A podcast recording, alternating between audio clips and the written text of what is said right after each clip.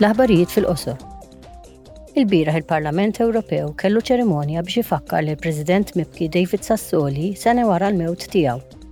Il-President tal-Parlament Ewropew Roberta Mezzola qalet li l-Parlament tilef wieħed minna, mexxej, ħabib, ġellied tal-ġustizzja soċjali. Zidet tgħid li l-valuri tiegħu ta' demokrazija, it-twemmin tiegħu f'dinja ġusta u d-determinazzjoni tiegħu li jipproteġi lil dawk l-aktar vulnerabbli għadhom magħna llum.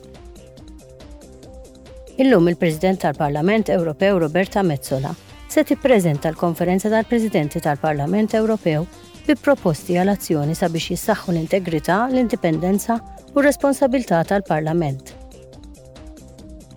Illum il-membri tal-Parlament Ewropew tal-Kumitat għal-Libertajiet Ċivili qed jiddiskutu mal-Ministru tal-Ġustizzja ta' Spanja firxa ta' kwistjonijiet marbuta mal-valuri tal-Unjoni Ewropea fil-pajjiż. Dawn jinkludu riformi proposti għas-sistema ġudizzjarja u l-istat tal-Kunsill Ġenerali tal-Ġudikatura.